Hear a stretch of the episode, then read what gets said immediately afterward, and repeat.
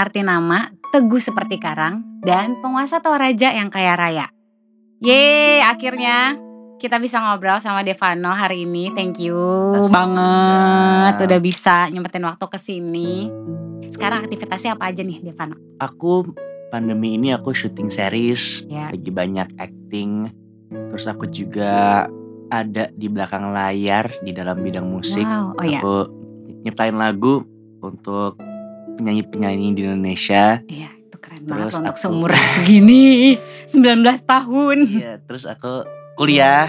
Aku Iya. kuliah di Binus terus itu aja sih musik, acting, kuliah. Sekarang masih kuliahnya ya. Masih dong. Ambil jurusan apa? Aku manajemen. Manajemen. Kamu mulai karir itu sebagai penyanyi bareng kakak umur 15 tahun. Iya. Masih ingat gak tuh rasanya gimana? Aku seneng banget karena memang aku itu dari kecil dari aku SD aku emang pengen jadi penyanyi. Nah, Hmm. jadi dari dulu emang aku suka banget nyanyi walaupun emang di kamar mandi, di kamar, tapi aku juga orangnya nggak pernah terbuka sama keluargaku. Oh ya, Jadi kayak aku nyanyi itu memang bener-bener di kamar aja, di kamar mandi tanpa ada yang ada yang tahu aku bisa nyanyi atau enggak. Jadi memang aku tuh dulu pendiam banget, pendiam, pemalu. Jadi ya introvert mungkin ya kalau Iya. kayak- kayaknya sih ya. Terus ya seneng banget sih aku dapat kesempatan buat nyanyi apalagi sama kakak sendiri kan. Jadi kayak Mm-mm. mungkin pedenya lebih pede gitu dibandingkan kalau sendiri. Karena aku juga masih kecil dulu, pemalu banget jadi dirangkul sama kakak. itu gimana tuh pertama kali nyanyi Mm-mm. dilihat orang banyak, sedangkan kamu introvert. Iya, iya. Gimana rasanya? My biggest fear itu kamera sebenarnya. Kamera. Kamera dan orang banyak. Belakangan ini suka pusing kalau ada orang banyak sama ada cahaya lampu. Cuman aku lagi berusaha untuk bisa. Belajar untuk bisa Iya. menghadapi itu. Karena kan di sini pusing nggak? Tadi lumayan kayak hmm, link link Lampunya terang ya, ternyata Iya, pas masuk. spotlight soalnya gitu kan jadi kayak, "Aduh, Tuhan tolong bantu aku. Kamu tuh dulu kecil suka ikut-ikut mama nggak sih kalau mama nyanyi? Suka banget. Mungkin itu kenapa aku pengen jadi penyanyi karena emang dari kecil aku ngeliatin mama yang bener-bener apa namanya ngehibur orang, ngehibur Hmm. banyak orang dari off air, dari cara dia bernyanyi, cara dia Hmm. menghayati lagu, terus proses rekaman, proses pembuatan lagu dan lain-lain tuh ngebuat aku jadi kayak aku kayaknya pengen deh ngebagian orang lewat musik gitu dibandingkan papa yang pilot karena kan jarang ketemu Iya. jadi aku kayak nggak nggak pernah terbayang aja jadi emang dari kecil aku selalu ngebayangin kalau aku besar aku jadi pilot aku ninggalin anak-anak tuh nggak tega Oh gitu. gitu Iya iya iya. iya. kalau mama kan kayak ngehibur orang-orang banyak gitu kan ketawa TV lah penonton entah apalah Karena kalau dari papa juga tahu tentang pekerjaan itu dari cerita. Kalau Iya. mama kamu lihat langsung ya. betul betul Wow. Terbiasa dari kecil ngelihat mama bermusik. Mm-mm. Itu yang bikin kamu akhirnya iya. suka juga dengan suka dengan musik musik. Mama tuh di rumah orangnya kayak gimana sih? aku tuh dari kecil jarang komunikasi sama keluarga sebenarnya mungkin love language kita yang bukan bukan seperti itu gitu jadi memang aku tuh sama keluarga aku memang sekedar kabar-kabaran aja kalau ngobrol itu di meja makan itu pasti tentang dari aku SD kelas 1 Mm-mm. udah diajarin yang namanya hemat maksudnya kayak selalu ngobrolnya pajak rumah pajak mobil Memanage keuangan listrik. gitu ya. jadi kayak nggak pernah nanya yang memang kayak gimana harinya, ketemu sama siapa aja, belajar apa aja dan lain-lain enggak sih. Jadi memang aku udah dibiasakan mandiri dan dibiasakan disiplin dari kecil. Jadi kalau ngegambarin mama adalah orang yang seperti apa, mungkin orang yang super tegas Mm-mm. dan juga disiplin. Keduanya sama sih papa dan mama Papa juga, juga sama gitu. gitu. Ya ngejadiin ngejadiin anaknya jadi kayak pakai uang uang uang uang uang uang. Gimana caranya memanage keuangan? Ya, betul. Kadang kan sebagai orang-orang yang introvert Hmm. pasti ketemu lingkungan baru Iya. atau misalkan sekolahnya berpindah dari SD ke SMP itu kan pasti kan ada Iya, iya. gimana adaptasinya agak lebih sulit gitu kan. Iya. Itu kalau kamu menghadapi itu biasanya ceritanya ke siapa? Aku tuh dari dulu mendem. Orangnya kalau ada masalah mendem. Makanya ya? aku baru sadar sekarang aku tuh ternyata punya skill to face tapi in a good way ya. Ya. Jadi kayak aku seneng dengan aku yang bisa nyembunyiin kesedihan aku di di, di semua orang gitu. Jadi aku kalau kalau sedih senyum aja gitu.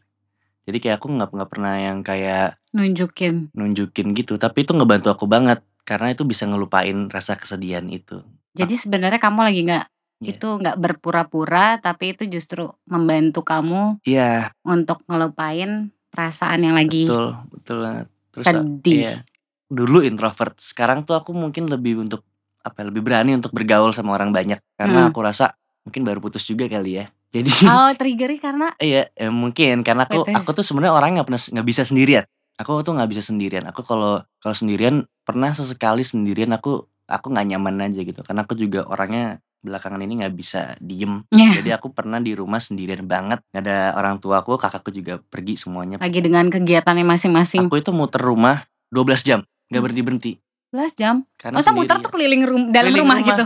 kayak ma- main handphone tapi sambil jalan-jalan sampai aku baru sadar ternyata dari jam 12 siang aku jalan-jalan Heeh. udah jam 12 malam lagi aku nggak sadar Itu kamu sepanjang itu jalan terus Iya. tapi sambil main Main- handphone. main handphone sambil main handphone terus jalan-jalan aja sambil merem gitu kayak tapi nggak berhenti berhenti Oh ya, makanya nggak duduk bisa nonton sendiri. gitu. iya nggak nggak nggak kayak gitu aku tuh nggak suka nonton main game juga nggak terlalu suka gerak aja gerak aja makanya Kamu aku tuh le- lebih suka ngobrol ya sebenarnya. pada akhirnya jadi suka ngobrol karena ternyata titik kenyamanan aku ya ketemu sama orang-orang banyak Akhirnya membuka untuk Iya. itu. Aku penasaran, selama 12 jam itu apa yang ada di pikiran kamu? kosong Oh that's ya? why aku nggak sadar Selama 12 jam jalan. kayak sleepwalking gitu loh Oh ya, aku baru pertama kali ya.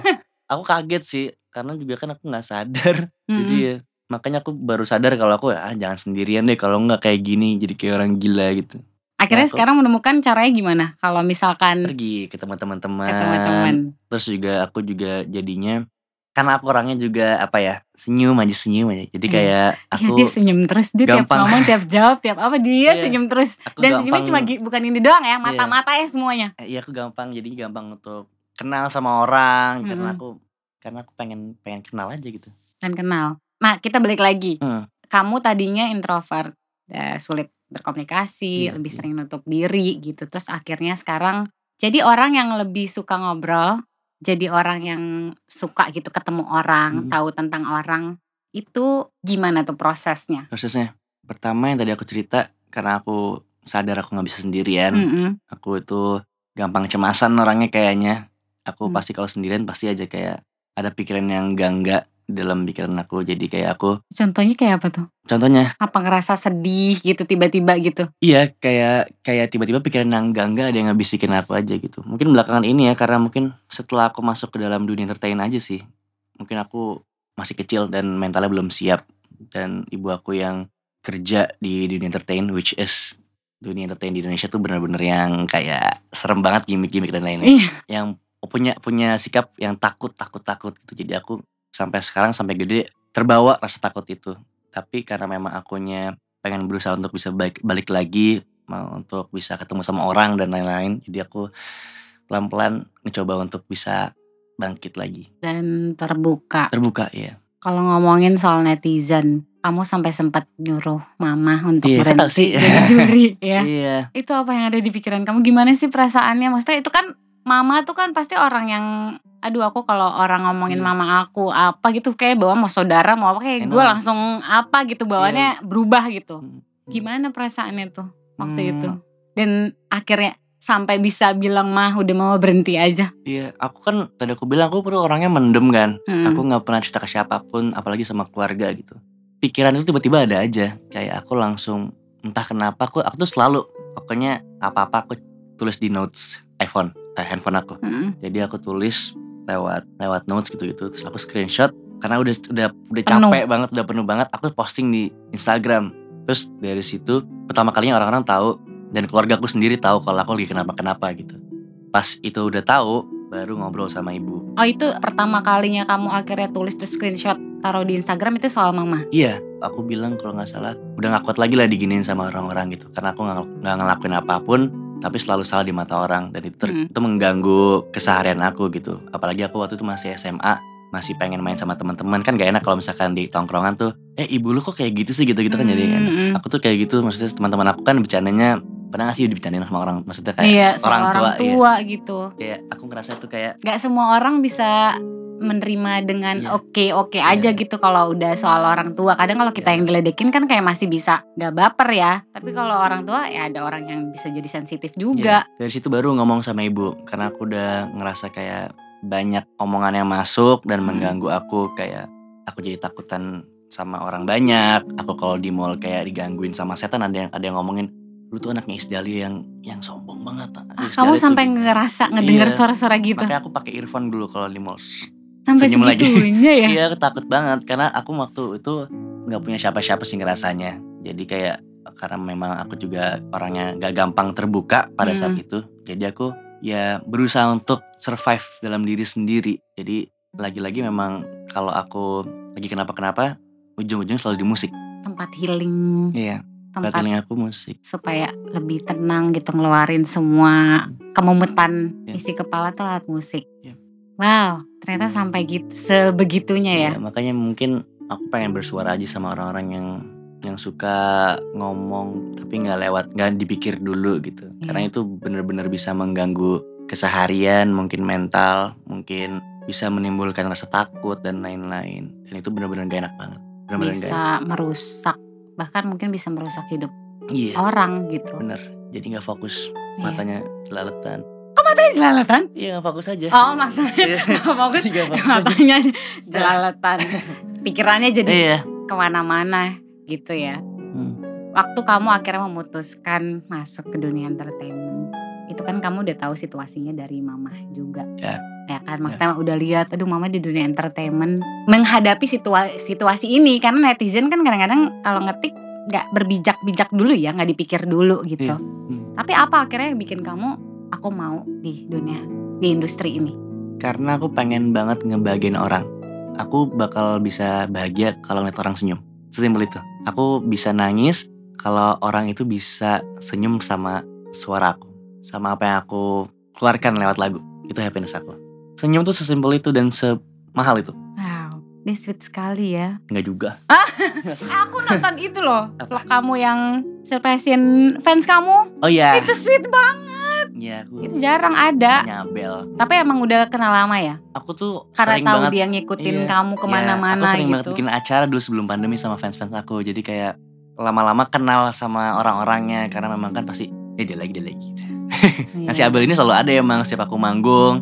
Kalau di lokasi dia yang ngirim makanan dan lain-lain. Jadi kayak udah kenal sama keluarganya juga gitu. Dan kayak pesan-pesan apa sih? Kayak ucapan ulang tahun terus kayak pesan-pesan yang kamu kasih tuh Iya. kayak anak dewasa amat ya Oh. isinya ya. Enggak ah. Iya. Menurut aku iya. Kalau menyenangkan orang lewat lagu, Hmm. Terus ada seseorang yang spesial yang selalu ingin disenangkan oleh kamu? Sudah punya? Apakah sudah ada? Untuk sekarang sih belum. Ah, belum. Itu juga apa namanya yang aku pikirkan kalau aku punya pacar aku takut pacar aku kena imbas netizen. Jadi lebih baik kayak rasa sakit yang aku punya terhadap omongan orang di luar sana itu biar aku yang rasain aja. Jadi nanti kalau aku punya pacar, aku nggak mau kayak pacar aku kenapa-kenapa. Kamu mikirin sampai sebegitunya ya? Iya, karena aku ngerasain sakitnya tinggal sih kayak nggak enaknya di di di dibully. Karena imbas Iya. dari bulian. Karena mantan aku sebelumnya ngerasain hal hal itu. Jadi that's why aku iya ya udah nggak lagi. Tapi kamu, Kamu biar udah kamu nggak bakal kenapa-napa sekarang gitu. Oh iya.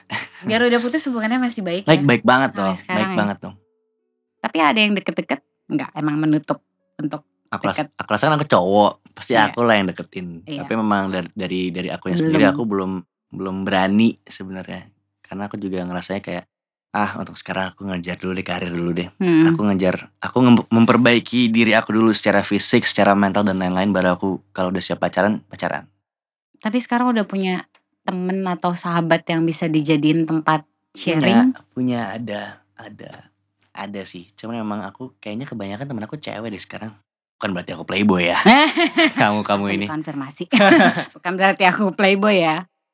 Kalau ngomongin keluarga, ya setiap orang punya love language yang beda-beda emang ya. Ya. Dan syukurnya memang kamu udah memahami itu, Iya. gitu, Hmm. untuk mengerti itu.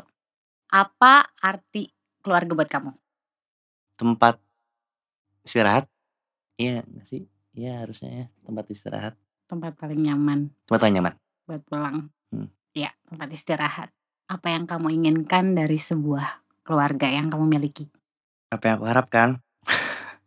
Nothing sih kayaknya nggak ada deh. Aku bakal bahagia kalau kalau mereka juga jalannya lurus-lurus aja gitu. Dalam artian emang emang happy, nggak ada beban aja gitu. Walaupun memang pekerjaan semuanya berat, tapi kalau mereka bisa enjoy aku bakal happy juga. Aku pernah bilang sama keluarga aku, pokoknya Mhm. jangan mikirin aku, jangan mikirin aku kenapa lagi, karena aku bakal baik-baik aja dan aku bakal bisa selalu survive sama diri aku sendiri. Jadi kalau aku sedih dan kenapa-kenapa, senyum aja. Gitu. Itu penting sih buat Iya. aku. Keluarga aku mungkin nonton atau enggak nggak tahu, tapi yang jelas terima kasih udah selalu kuat ngadepin aku yang belakangan ini mungkin sedikit berubah.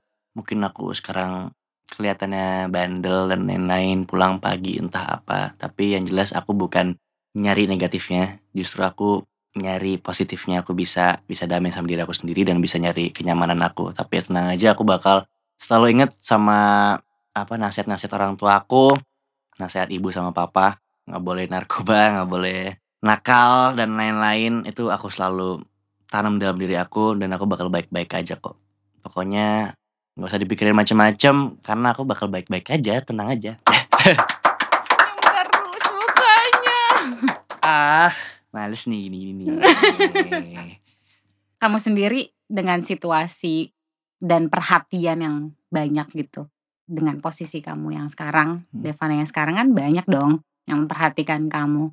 Kamu sendiri pernah gak sih merasa kewalahan menghadapi situasi itu? aku kayaknya ini deh, orangnya loose aja deh kayaknya. Kayak aku pernah manggung dilemparin kertas, dilemparin botol. Aku lanjut nyanyi aja, happy aja senyum gitu. Ya udah, loose aja. Jadi sebenarnya kamu ya walaupun kamu sedih, kamu tahu ya penempatan diri kamu saat dibutuhkan gue untuk Diundang Kuat. untuk ngebahagiain orang. Walaupun mungkin orang yang nggak suka sama aku, tapi aku akan terus berusaha untuk nyenengin orang gitu. sebenarnya aku bingung sih kalau dia nggak suka kenapa dia nonton kamu ya. That's why. Semakin ngikutin malah semakin Itu dulu pengen aku masih tahu. 16 tahun, 15 tahun kalau nggak salah. Aku masih awal-awal nyanyi. Ih kuat banget loh. Kamu berarti kan masih ya umur 15 tahun ya awal-awal nyanyi bareng kakak kan. Iya, debut singlenya sama kakak memang. Tapi setelah itu aku ngeri menyimpan rasa Itu udah mulai lagu sendiri. udah mulai sendiri ya udah mulai ngerasain yang kayak ada yang nggak suka ada yang suka Hmm. Jahat sekali. seru tau Jadi seru tahu. Iya, Dan mungkin Kalau itu di- yang akhirnya ngelatih mental kamu. betul Wa- walaupun memang kalau kita callback lagi itu sesakit itu sih cuman Iya. kalau dipikir-pikir sekarang itu jadi pembelajaran buat aku sendiri gitu aku Kadang jadi kayak kuat Mm-mm, buat ngadepin setiap situasi. mm-mm, mm. Gue aja udah pernah dilamparin jadi gue santai aja gitu pas lagi nyanyi. dari kecil aku dibuang ke tong sampah sama teman-teman Kenapa itu? karena Karena kamu pendiam itu. bukan karena aku maruk main bola Kamu suka banget bola ya? ya aku suka banget bola Kamu maruk banget bola nggak ngoper bola Katanya gitu. sih karena itu. Karena akunya maruk main bola terus akhirnya semua semua angkatan aku kesal sama aku. Terus dibuang ke tong sampah. Oh, kalau kita ngomongin sebuah pelukan, apa arti sebuah pelukan untuk Devana? Aku suka banget dipeluk. Hmm. Aku suka banget dipeluk. Aku kalau ketemu orang aku langsung halo gitu. Halo. Enak aja tahu, ha- anget aja kayak kamu ngerasa kayak deket banget. Walaupun mungkin belum kenal tapi kayak respect each other aja aku ngerasa kayak nyaman. nyaman aja. Kayak ngenalin orang secara dalam tapi nggak Iya. Itu kan sebuah tindakan juga kata-kata. yang baik. Sama kayak senyuman. mentransfer rasa Iya. bahagia juga lewat Iya. pelukan. Gestur kebahagiaan. Jadi pengen meluk adik kecil. aku sama semua orang dipanggil adek. iya, aku boleh peluk. Aduh, manis sekali anak ini. Ada mau meluk? Aku suka juga dipeluk. Ka- Kadang kalau orang nanya kayak orang cupika-cupiki Hmm. atau kalau kan baru ketemu cupika-cupiki atau peluk, aku akan lebih suka peluk sih. Iya. Kayak lebih ah gitu kan. Hai ya. Apalagi sama orang yang terdekat Ya. itu rasanya langsung aduh kayak yang buruk-buruk di belakang yang berat-berat di belakang kayak langsung lepas Mm-mm. saat dipeluk itu tuh enak banget rasanya Enak. mau lepas Devano Ah. kita semua meminta tips buat semua yang nonton buat semua yang dengar gimana untuk menghadapi setiap situasi yang kadang-kadang ya gak selalu menyenangkan Mungkin aku sharing dari pengalaman aku aja kali ya. Pokoknya aku tuh selalu selalu senyum di setiap saat. Itu pertama tadi aku juga udah omongin. Hmm. Kedua memang aku larinya selalu lewat tulisan dan Hmm. tulisan itu aku bentuk ke lagu. Itu buat aku kayak bisa ngelagain hati aku aja. Terus ketiga, kalau misalkan emang kamu ngerasa sendirian, coba deh kali bilang di kaca kalau kamu tuh keren. Energinya langsung Iya, kayak langsung ada beda gitu. energinya positifnya langsung ada karena memang kan beberapa orang kalau nangis tuh emang buruk aja pikirannya gitu. Iya. Tapi coba belajar deh untuk bisa masukin satu kata-kata yang positif itu ngebantu energi dan hati kita jadi heal lagi, jadi baik-baik lagi.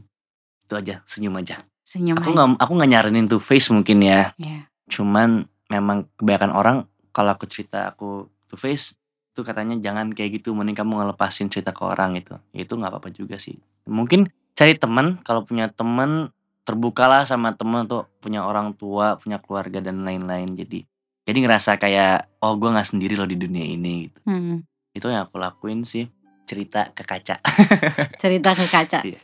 Dimulai dan dengan lewat tulisan mulai dengan enjoy diri Iya. sendiri dengan diri sendiri. Betul. Love yourself Love yourself. Harus karena kamu happy ya. Iya. Dan karena kamu senyum. Itu nomor satu baru orang lain. Oke.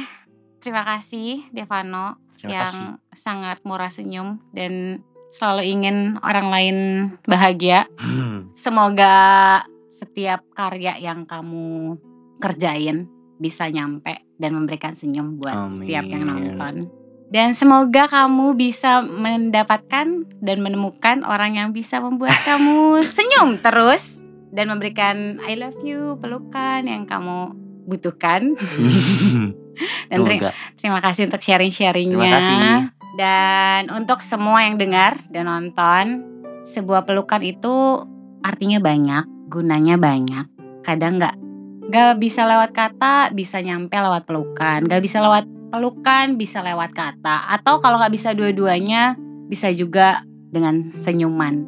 Semoga kita semua bisa sama-sama belajar, bisa saling memeluk satu sama lain lewat apa pun, lewat sosial media dan apa pun yang kita punya.